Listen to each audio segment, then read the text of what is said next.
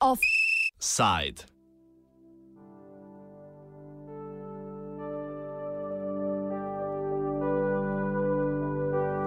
Obvezno dopolnilno navzgor.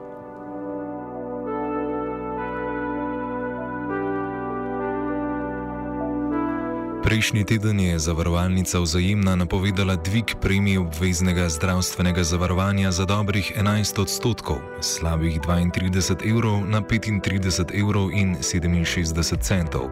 Cena s 3 odstotnim popustom pa bo znašala dober evro manj. Gre že za drugi dvig premije letos, uveljavo pa bodo nove cene stopile septembra. Že marca se je premija podražila za 2 evra.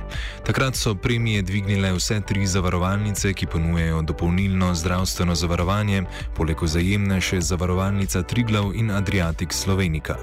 Tudi sicer se premije dopolnilnega zdravstvenega zavarovanja ponavadi dvigujejo pri vseh treh zavarovalnicah hkrati.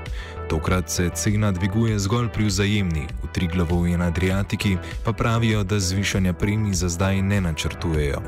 S tem bo vzajemna izgubila mesto zavarovalnice z najnižjo premijo in je sedaj daleč najdražja.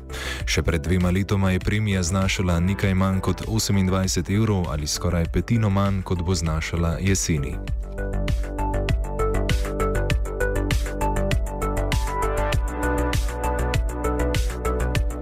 Po besedah vodilnih v vzajemni je razlog za dvig cene visoka rast stroškov storitev. Ta rast stroškov je po njihovih besedah posledica povečanja obsega in više cene zdravstvenih storitev, pa tudi programov za skrajševanje čakalnih dob. Medtem ko je Ministrstvo za zdravje načrtovalo 5,5 odstotno povečanje povprečnih odhodkov za zdravila in zdravstvene storitve, pa naj bi ocene kazale, da bo to povišanje ob koncu leta približno 9 odstotno.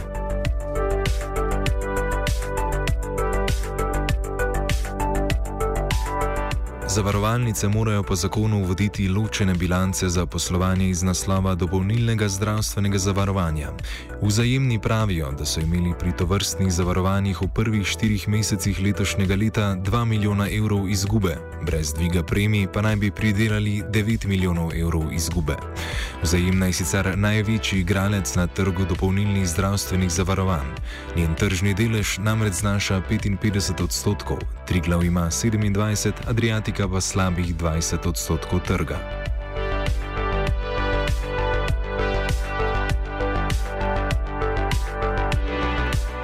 Na Ministrstvu za zdravstvo menijo, da dvig ni upravičen in da bi morala vzajemna rezerve poiskati pri stroških delovanja.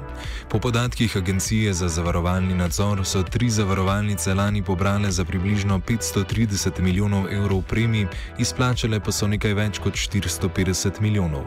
Da je dvig neupravičen, menijo tudi v stranki Levica, ki se z ministrstvom trenutno pogaja o spremembi zakona o zdravstvenem zavarovanju, ki bi ukinila dopolnilno zdravstveno zavarovanje zavarovanje, govori vodja poslanske skupine Levice Matej Vatovec.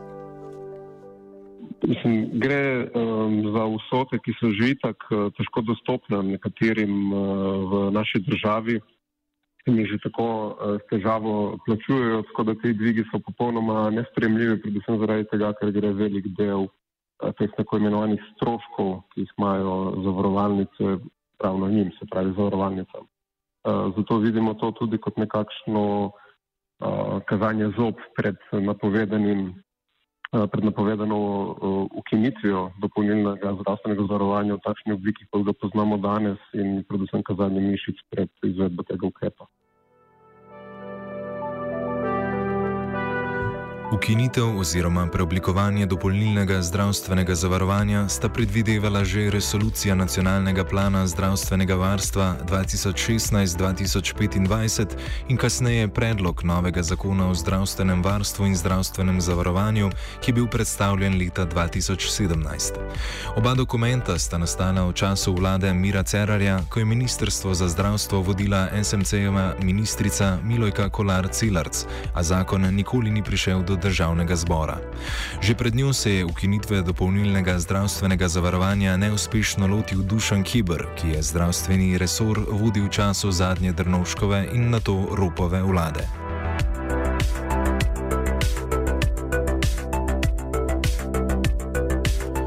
Dopolnilnega zdravstvenega zavarovanja v taki obliki sicer ne poznajo v nobeni drugi državi. Čeprav to zavarovanje ni obvezno, so brez njega potrebna doplačila skoraj pri vseh zdravstvenih storitvah.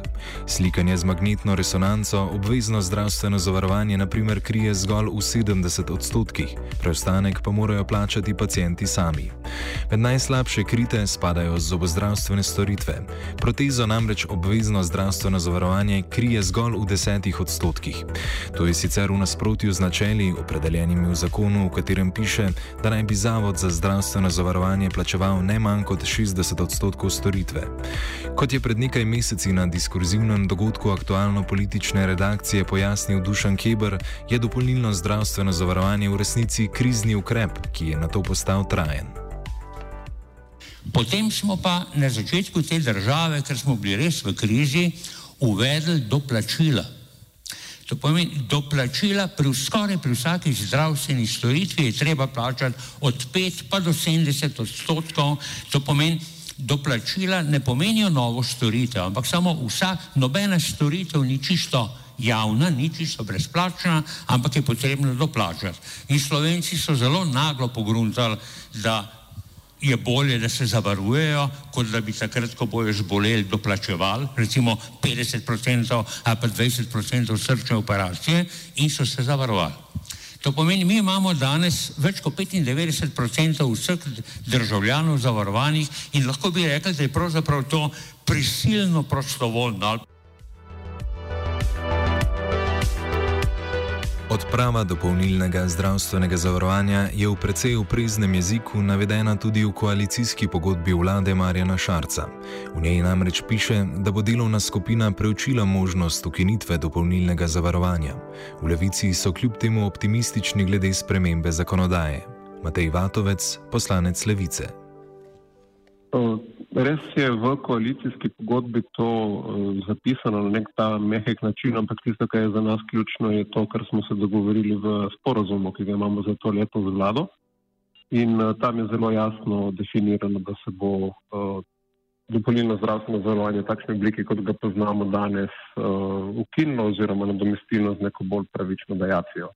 In uh, menimo, da je to uh, edini pravi način, se pravi, da bi se v bistvu vsi, vsi vsi ti zneski oziroma celotni zneski eh, prilivali v eh, zdravstveno blagajno, ne pa v žepe privatnih zavarovalnic.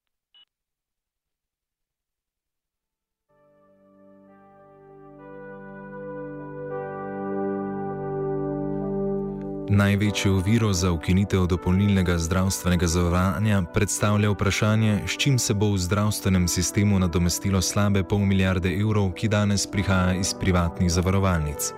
V gospodarstvu močno nasprotujejo temu, da bi se dvignili prispevki.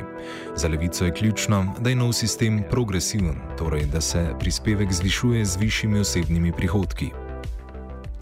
Zdaj, konkretne rešitve bomo predstavili v jeseni, ampak smo vse čas tudi v predvoljeni kampanji nasploh eh, zagovarjali tezo, da bi morala biti ta uh, dajatev takšna, da bo šla izključno v uh, javno blagajno. Predvsem pa tisto, kar je najpomembnejše, je to, da bi mogla biti ta dajatev odvisna od uh, dejanskega materialnega stanja zavarovancev. Se pravi, da bi tisti, ki imajo niže prejemke, plačevali manj, tisti, ki pa imajo više pa nekoliko več, se pravi, da je bila ta dejatev v bistvu solidarna.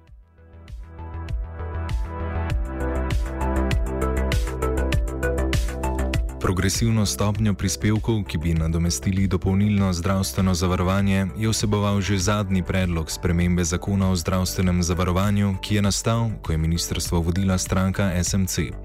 Predlog se takrat ni premaknil z ministrstva. Pomembno vlogo pri tem so odigrale tudi zavarovalnice. Dopolnilno zdravstveno zavarovanje namreč predstavlja četrtino vsega zavarovalniškega trga v Sloveniji.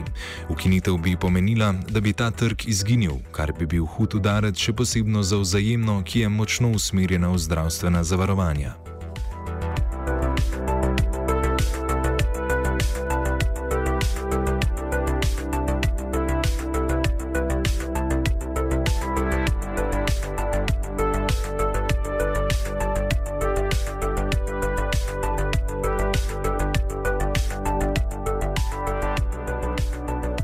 Offside je pripravil Gal.